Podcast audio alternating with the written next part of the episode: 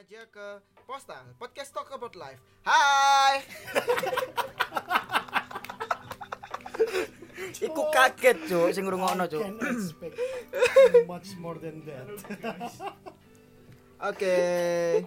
Kembali lagi ke Postal Podcast Talk About Life with tiga kita bertiga lagi.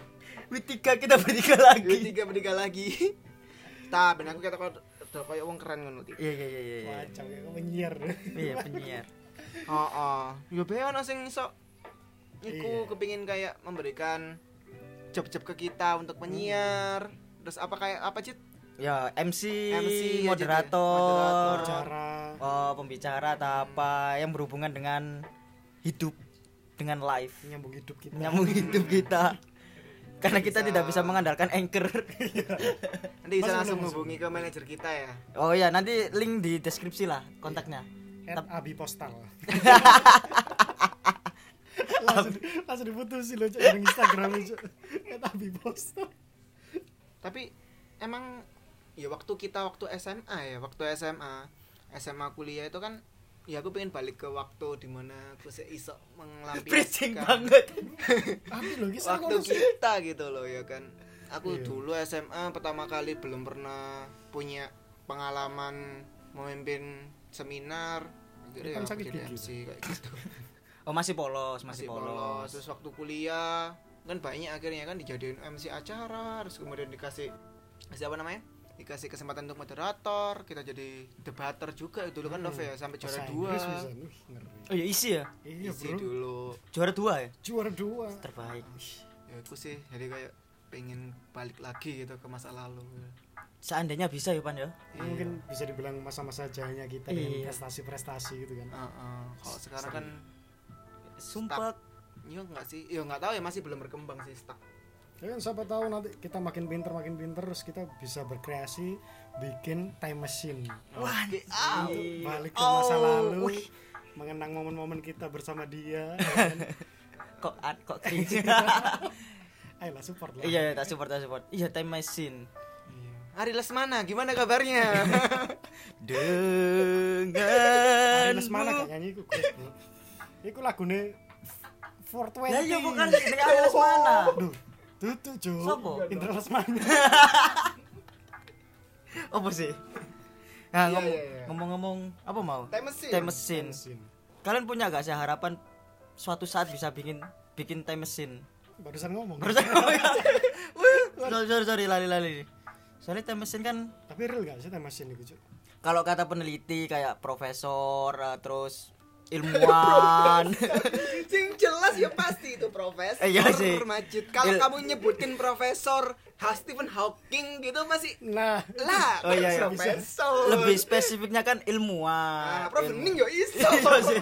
profesor. Profesor ilmuwan. Kalau ilmuwan kan ngomong kita bisa bikin mesin waktu kalau kita punya partikel yang bisa menembus kecepatan cahaya.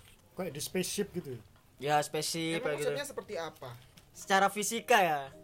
Hmm, konsep ya konsep untuk kita bisa membalikan aku waktu sih itu nggak tahu konsepnya. Ah, ah. jadi gini sejauh yang saya pelajari ketika nanti ilmuwan menemukan alat atau zat yang bisa mengalahkan kecepatan cahaya atau mendekati kecepatan cahaya maka pada saat itulah mesin waktu bisa diciptakan.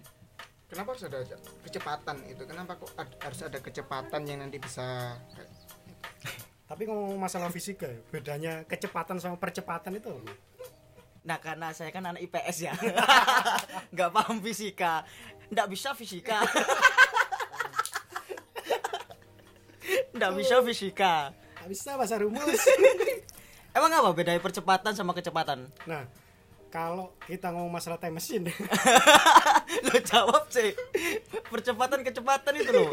Anda jangan mengalihkan Kalau- perhatian. salah ya. Ah. kecepatan itu statis. Oke. kecepatan ini 80 km per jam statis itu kecepatan. Kecepatan. Oh, Kalau oh. percepatan itu kelipatannya. Kelipatan Nah, dikali jadi- dua. jadi kayak kon eh, naik gitu loh. Hmm, grafiknya motor, naik. Eh, kan dari 0 20 30 40 gitu. Percepatan? percepatan. Bener gak Bener. prof. Woi, Weh, Prof. Ivan. Prof. Ivan. Iya. tapi enggak rumus, rumus nggak maya maya jalur rumus. Eh, eh tapi ono rumus ya kok? Iku rumusan. Tapi ngomong time mesin kalau kita sering lihat di film-film kan udah sering banget banyak film yang menceritakan soal perjalanan waktu. Ah, Eh, contoh Interstellar. Interstellar, Terminator, Genesis, Ah, Back to the Future. Back to the Future, ah, Hot Tub Time Machine, terus yang beberapa tahun yang lalu, dua tahun yang lalu yang sangat-sangat viral Avengers Endgame. Endgame. Terus yang baru-baru ini filmnya makarya dari Om Om kok Om Nolan sih? Nolan Profesor Christopher Nolan yang Profesor berjudul Dr. Nolan ya Profesor Dr. Nolan yang berjudul Tenet. Tenet. Nah itu juga akhirnya kan kita ada kalau kalian misalnya lihat ya ada beberapa paradoks masalah time travel. Cuman kalau di Endgame ini sama Tenet itu suatu konsep yang berbeda. Hmm. Kalau kalian bandingin sama kayak uh, Back to the Future, terus yang lain-lainnya film-film time travel kalau dibandingin sama Avengers Endgame sama Tenet itu sangat jauh berbeda. Kebanyakan kalau film time travel menggunakan paradoks kakek, grandfather paradox. Sedangkan kalau di Tenet sama Endgame ini time travelnya beda. berbeda jadi di sini kita akan bahas eh, beberapa film yang di sana yang akan membuat kalian itu berpikir bahwa time machine itu bukan bukan hanya sebatas kita akan kembali ke masa lalu kemudian kita rubah masa lalu itu terus kemudian waktu kita di masa depan itu akan berubah Nah, kita tidak akan bahas film-film yang berlatar atau yang berkonsep seperti itu yang berkonsep grandfather paradox. Iya. Namun kita bahas ya ini ada dua udah, dua film yang cukup viral ya. Yang pertama kan pasti Avengers Endgame. Mm-mm. Terus yang kedua kita akan bahas Tenet. Nah, sebelum kita masuk ke Tenet, ini mungkin eh sebuah apa ya? eh respon dari sebuah film Tenet. Kalian udah lihat semua kan, yo? Pasti udah lihat ya. Oh sudah, keren banget Tenet. Sebenarnya keren, cuma eh kita agak melenceng sedikit. Ini mungkin menurutku pribadi masalah Christopher Nolan itu ini adalah film yang terlalu tergesa-gesa. Maksudnya tanpa konsep. Hmm. Cuma mereka ya wis time travel, time travel selesai. Tapi mereka nggak ada pengembangan masalah karakter. Beda kayak film-filmnya Christopher Nolan yang kayak Interstellar. Terus trilogi Batman, Inception. Yang Inception pun sebenarnya juga konsepnya hampir sama kayak time travel. Yes. Cuma ini ya, dunia paralel ya. ya Dunia mimpi. Dunia mimpi. mimpi. Cuman kalau Tenet ini mungkin ya di samping filmnya terlalu tergesa-gesa, tapi ini cukup ada bahasan yang menarik yang bisa dibandingkan dengan time travel yang lain-lainnya. Contoh eh itu kalau nggak salah time travelnya model apa itu? Inverse, inversion, Ah, inversion. Version. Jadi eh di mana waktu itu malah kebalik, berjalan mundur. ya. Nah, tapi ini ada yang tak bingungin. Eh, ini kan time travel kalau kita lihat di Endgame dengan konsep yang mungkin hampir sama dengan Tenet tapi agak ada perbedaannya. Kita tuh ada di dimensi yang sama, cuman semuanya tuh inverse. Berjalan ke belakang. Sedangkan kalau di Endgame kan tetap berjalan maju seperti biasa toh. Cuman kalau di Tenet ini malah ada satu dimensi inverse yang dinamakan inversi ini yang malah berjalan mundur. Ah, kenapa aku bisa seperti itu? Karena yang pertama konsep dari Tenet itu sebenarnya kalau dikatakan time travel, dua film tersebut tidak ingin menyatakan bahwa dua-duanya itu time travel. Hmm. Ah, ah, ah. tidak Jauh. menyatakan secara spesifik bahwa dia itu bukan time travel. Kalau untuk Tenet, dia menjelaskan eh, siapa ya si protagonisnya No, ah iya di si protagonisnya si itu John Denzel Washington. anggap aja John karena kita dia nggak punya nama. Ah, Dia menyanyikan bahwa itu yang namanya adalah siapa? Ayo, kita kita kita support. Aduh, aku sakit, aku mau aku, aku tadi itu keluar. Hmm. Terus lupa. Tapi intinya adalah intinya adalah saat kalian tahu nggak kalau misalnya ada kaca, Ah, ah. ada kaca kalau dipecahin, apakah nanti akan bisa balik lagi menjadi kaca? Kalau secara logika nggak bisa. Nggak bisa. Itu yang digunain. Nah, inverse kan. itu yang digunain jadi kalau untuk itu namanya apa sih wah Phil nih Maksudnya ada namanya ada namanya kalau yang itu kayak yang dihukum fisika itu kalau saat kita masuk ke dunia realita ah. itu saat kita ingin memajukan oh memundurkan. Memundurkan. jadi kita itu ingin memundurkan waktu kita hingga nanti biar Ketemu ke titik itu. ketemu ke titik itu dan tapi tetap tidak akan merubah segala sesuatu di masa depan Hmm, itu seperti itu kan di film itu juga ada yang bersangkutan dengan hukum kedua termodinamika entropi. entropi ya Entropi. Allah. Entropi. entropi hukum kedua Entropi itu aku apa aku agak lupa sih aku Ter termodinamika entropi jadi itu kayak berhubungan dengan fisika sih Iya, saat kalian panas, panas menuju Hmm. kan ya, pasti dingin menuju ke panas. Ah. Kalau panas menuju ke dingin, berarti inverse terus kemudian kalau gelas, gelas pecah. Jadi si Tenet ini ingin membalikan gelas ini menjadi gak pecah. Hmm, iya sih suhu panas menjadi dingin. Tapi kalau dilihat ini ada kesamaan sih dari film Avengers Endgame sama Tenet. Kalau kalian cermatin di Avengers Endgame sama Tenet itu ada satu SOP lah standar operasional. Mereka nggak boleh bersentuhan secara fisik atau bertemu secara fisik. Makanya kalau di Endgame ini berbeda sama kasusnya Captain America yang ketemu Captain America loh ya Iya. yang kayak eh, si Hawkeye, si Clint Barton waktu dia mau eh, mencoba pertama time travelnya, dia kan ketika ada anaknya mau keluar dia buru-buru pergi toh. Iya. Sama kayak yang di Tenet, mereka pakai kostum.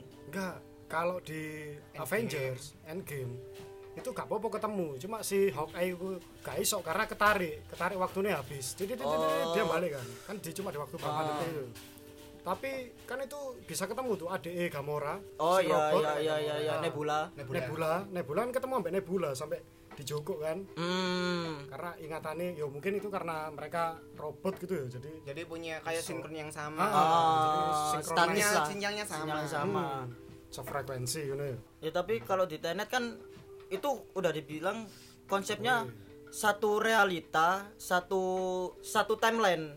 Satu timeline cuma beda dim- beda dimensi, dimensi inverse yang waktu mundur sama dimensi waktu maju. Sedangkan kalau di Avengers Endgame itu bener-bener balik time travel ke masa lalu yang kejadiannya mungkin bisa bertahun-tahun. Kejadian di masa lalu namun bukan ke di realitas kita. Nah, Itu sih yang kalau Ya, Avenger. Kalau Tenet kan realitas kita karena Realitas waktu itu kita. berjalan satu arah gitu satu kan, arah. Tenet. kita bisa kembali ke waktu yang eh, harus ditentukan. Kalau di endgame kan kita bisa acak, misalnya kita mau balik ke tahun berapa, tahun berapa, tahun berapa. Kalau di Tenet kan ada setting. batas waktunya. Perbedaannya di itu sih. Enggak, bukan batas waktu, waktu sih. Jadi kalau misalnya kali kamu mau kembali ke 10 tahun yang lalu, berarti kamu harus hidup kuat secara 10 ke tahun belakang lagi. 10 Ah. tahun lagi. Mm-mm. Karena waktunya itu berjalan mun saat orang itu berjalan maju, kalian itu berjalan mundur. Hmm. Heeh. Dan itu juga ada perbedaannya eh, kapsul merah sama biru. Kalau kalian ngamati. Mm. Kalau di kalau nggak salah sih, biru itu adalah kejadian di masa lalu. Sedangkan merah kejadian di masa sekarang. Timeline yang sekarang. Hmm. Itu hukum apa ya? Ya itu masuk ya itu kok entropi. panas sama dingin. Kenapa kok Hmm. panas? Karena panas tuh bersifat lurus ke Ah. depan. Karena makanya akhirnya di pasukannya pun kan ada juga pasukan warna merah sama warna biru. Eh, Ya kan kalau di merah berarti itu normal, yang biru berarti itu dia inverse. inverse Hmm. sebelumnya ya. Tapi Anjan eh, menimbulkan beberapa pertanyaan juga sih yang menurutku mungkin ciri khas dari Christopher Nolan yang dia selalu meninggalkan sebuah film dengan gantung. Ya kalau diomong Tenet ini mungkin konsep yang baru semenjak adanya Endgame cuman tetap masih ada pertanyaan yang masih ganjil. Contohnya kayak eh, yang si Sator, Andre Sator itu dia meninggal pas ketika di kapal pesiar. Yo, Iya. Tapi kenapa kok di masa sekarang itu, di masanya si protagonis itu dia masih ada? Padahal kan yang bunuh istrinya Iya. pas di kapal pesiar pas mereka liburan. Nah, tapi kenapa kok di masa itu si masanya protagonis ini melakukan misinya? Kenapa masih ada? Tapi kan itu inverse. itu tapi yo itu gantung loh. Itu gantung. Ya apa ya apa ya. apa. Soalnya kan si istrinya ini teman-teman harus nonton dulu Harus ya, nonton biar- sih. Ah, biar paham bersama kita gitu ya. ini mengandung spoiler sih. Kalau kalian nggak suka spoiler, mungkin ya kalian bisa nonton dulu terus kalian bisa dengerin podcast Ah. ini. Kalau kalian nggak masalah sama spoiler, ya silakan aja. Oh, bisa ya barangkali bisa bantu Memecahkan lah. Ha, biar tahu oh maksudnya itu gini mungkin Hmm. yang dibahas di podcast gitu. Soalnya sebenarnya filmnya ini gampang ditangkep, Hmm. cuma menjelaskannya yang Ya. agak susah dengan kata-katanya. Sebenarnya kalau sekali lihat, oh ya mudeng aku. Cuma untuk menjelaskan kata-katanya kita Ya. yang bingung. Jadi kayak si kenapa kita kan endingnya kan si cewek Si mau istrinya. ha, si istrinya itu kan bunuh sih, Mm-mm. Mau dibunuh. dibunuh. Dan ketika si awal-awal dulu istrinya ngomong kalau aku waktu di kapal sekoci, aku lihat ada cewek lompat dari Nah. Itu adalah si Si, cewek si, si cewek itu, depan yang uh, inverse. mm-mm. kemudian dia kembali lagi ke pa- ke kapal tapi nggak ketemu suaminya udah nggak ada suaminya Nah, kan kan? menghilang tiba-tiba. menghilang menghilang tiba-tiba di kapal nggak ada Padahal mati.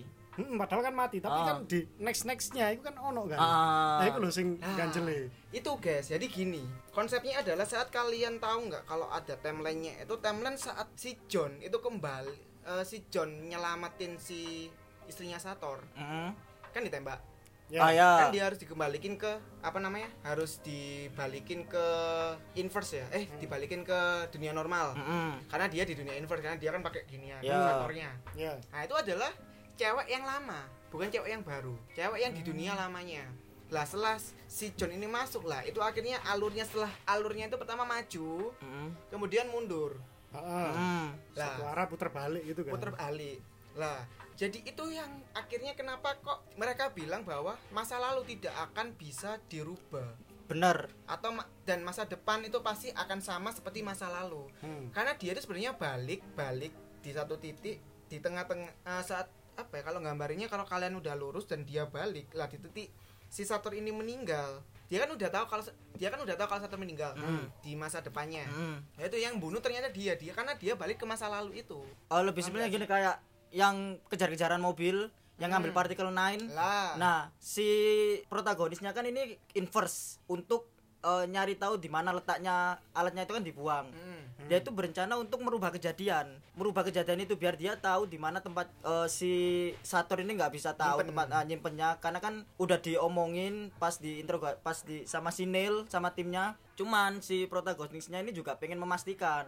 Nah, di situ kan dia mencoba ke inverse, balik ke masa lalu, pengen ngerubah itu Hmm. tapi kejadiannya tetap sama Hmm. mobilnya ketabrak Hmm. si Satornya udah dapet partikel sembilannya Hmm. jadi kan sia-sia akhirnya konsepnya masa lalu itu tetap ya tetap berjalan Iya. tetap berjalan lebih balik lagi Lebih balik. Ah, cuman mereka eh, kalau di film itu konsepnya lebih kayak yang mereka pengen mencoba memperbaiki tapi ternyata masa lalu udah kejadian Hmm. dan nggak bisa diperbaiki lagi Hmm. itu kalau di Tenet tapi kalau di Avengers itu malah mereka membuka realita baru. Karena kalau di Avengers konsepnya adalah ketika time travel dia nggak akan merubah kejadian apa pun. Contoh kayak si Rhodey uh, War Machine dia kan guyon sih. Kenapa kita nggak balik ke masa lalu terus membunuh bayi Thanos? Nggak bisa. Karena waktu nggak ber Grand Paradox nah kalau itu Grandpa Paradox tapi yang di Endgame konsep waktu nggak seperti itu. Hmm. meskipun membunuh Thanos itu nggak akan merubah kejadian di masa kini dan masa depan akhirnya percuma juga akhirnya akhirnya kan kalau di Endgame kan buka realitas baru Hmm. yang akhirnya kalau kita ada kejadian yang kita rubah itu timelinenya tetap cuma jadinya nanti ke parallel universe Hmm. buka ke multiverse Hmm. Ini kalau konsep multiverse sebenarnya kalau di film-film DC ya DC kayak eh, model-model Flash, Superman itu sebenarnya udah ada. Cuman mereka tetap pakai rata-rata Grandpa Paradox cuma kalau di Tenet ini sempet disinggung kan yang Neil ngomong ada parallel universe yang pas dia Kapan? pas dia pas tidur pas ditanyain sama si John. Ke pas dia mau ke airport. Hmm. airport pas inverse. Nah si Neil kan tidur nah si John ini mempertanyakan sebenarnya ada apa ini. Nah si Neil menjelaskan eh, konsep konsep konsep universe seperti itu dan dia menyinggung soal parallel universe yang kita secara fisik dan realita itu kita nggak tahu. Nggak tahu sebenarnya sama atau beda. Cuma nggak diulik secara lanjut sih kalau di situ. Ya itu makanya aku bilang filmnya sebenarnya gantung. Mereka cuma mengembangkan ya udah time travel kejadian itu kejadian itu kalau udah ya wis nggak ada pengembangan karakter. Beda kalau endgame kan. Yo. karena endgame endgame memang dari Ke akhirnya. Buka semua. yang akhirnya. Kan kalau eh, ada Kapten Amerika yang kembaliin Infinity Gems pas balik ke masa kini dia tua. Tapi kok iso ya? nah itu pertanyaannya. Karena dia balik lagi ke masa lalunya dia. ke masa lalu. Dan nggak kembali lagi ke masa depan ke masa sekarangnya lah. Heeh, karena dia wis memilih untuk hidup dengan pasangannya itu kan. Mm. Hmm, tapi gini, saat dia kembali ke paralelnya dia. Hmm. Kan dia kan akhirnya ke dunia paralel yang lain. Mm. Kan dia nua. Tapi kok dia bisa balik lagi loh ke kita? Kan sebenarnya nggak bisa kayak gitu. Jadi dia eh, paling yang masuk akal saat itu adalah mas bahas parar bahas masalah itu paralel. Jadi si Kapten Amerika yang tua ini mungkin pingin kembali lagi ke masa lalu enggak Ke masa depan. kembali lagi kembali lagi ke masa di mana dia ingin ketemu ke realitasnya dia yang lama Ya itu. Ya, Iya iya, kan? iya, Itu iya. maksudnya. ha. Mm-mm, jadi dia bukan kembali ke masa lalu masa depan jadi dia ke- dulu ke realita yang lama di masa lalu Mm-mm. dia hidup dengan normal sama si ceweknya Ha, terus punya anak mungkin tuwe. mm-mm, meninggal mungkin dia kepingin balik lagi nih realitanya dia baru akhirnya ketemu ambek si akhirnya sejalan itu. sampai realitas yang Hmm. sedang real ini kan. Soalnya ya kalau di kalau di Tenet kan menceritakan tentang ya extension sih, extension lah. Mm-mm. Apocalypse kayak gitu dengan dia harus mengumpulkan 9 partikel ini Bola naga. bola naga, Dragon Ball iya akhirnya nyeluk Son Goku terus mengucapkan satu permintaan jaluk sempak tok Goku nih. Iya, Dragon Ball. iya Waduh. Kurang ending gimana ini Abi? Kurang oh ending. nggak ngerti Kion paling Apa Kion? Kion lah kada ada Odo Primo Paso Belzebub Gue nggak ngerti kan Belzebub Ada aku ngerti. tuh anime teko raimu Kok lu gak Kiss Exis? hmm Kan lo gak ngerti? Exile ngerti kan Gak ngerti. Kan lo gak ngerti? Semoga kita harus ngerti kan Kurang matematik lo kan gak ngerti. Gak iki lo Lo kan baru Hamtaro iku jeneng asline sopo? Ilham. Ilham Majid Hamtaro. balik lagi, balik lagi ke Iya, iya. konsep tadi. Kondi. Kondi mau.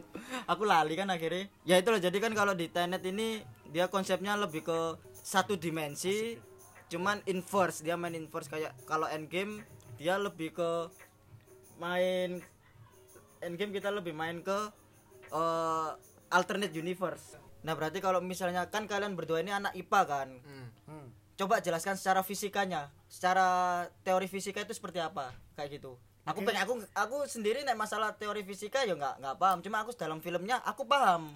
Oh ini ternyata gini Secara konsep film. secara konsep film. Kalau secara teori ekonomi kuantum. Fuck you ekonomi kuantum Lah, aku lah masalah fisika aku payah Cuk. Mungkin bisa lah Ipan sing lebih paham ya. lempar terus Oke, ini sebenarnya sama kayak konsepnya si apa namanya? Konsepnya si endgame Endgame karena itu sama-sama molekul kuantum. kuantum Sama-sama molekul atom. Mm-mm. Atom kan yang paling kecil, molekul yang paling kecil kan. Ada lagi atom itu punya tiga, isoton, proton proton, elektron. elektron Lah, elektron ini adalah kita yang kita jalan di masa yang depan karena elektron ini lurus. Elektron ini lurus. Lah, kemudian ada yang namanya pasitron. Nah, Ah. pasitron ini adalah yang balikannya. Jadi saat kamu berjalan lurus, ada positron yang itu akan berjalan mundur. Hmm. Oh, Beriringan. berjalan bersama-sama. oh Nah, makanya kenapa kok saat elektron sama positron gak bisa, gak bisa ketemu karena kalau ka- kalau mereka ketemu secara fisik itu meledak. oh oh Jadi di jadi di sini di Tenet ini kenapa kok mereka nggak nggak Oleh ketemu sentuhan ya. Dan nggak boleh tahu karena nanti kalau tahu pasti akan meledak. Ah. ya itu disinggung sih, soalnya ngomong si Nelnya kalau bertemu secara fisik orang yang dari timeline inverse sama yang asli itu akan binasa Iya. Hmm, emang. Itu elektron sama positron itu.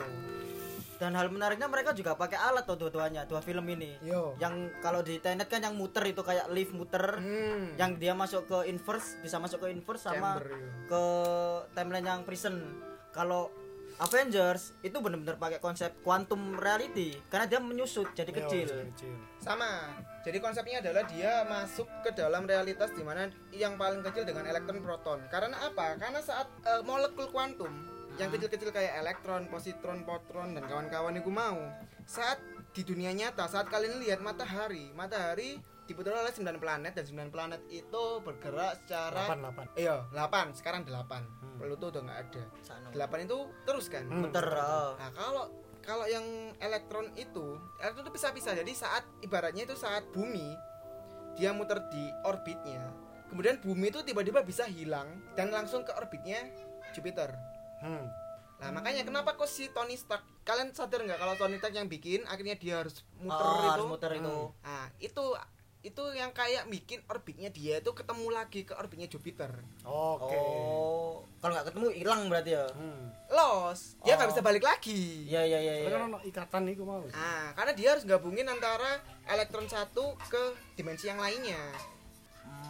Hmm. Jadi sama, harus konsepnya juga kalau untuk yang itu pokoknya aneh, eh, anomali anomali itu yang akhirnya akhirnya ada satu ilmuwan muncul yang menyebutkan itu adalah ada yang namanya para dunia paralel. Hmm. Konsep dunia paralel itu ada di Sains.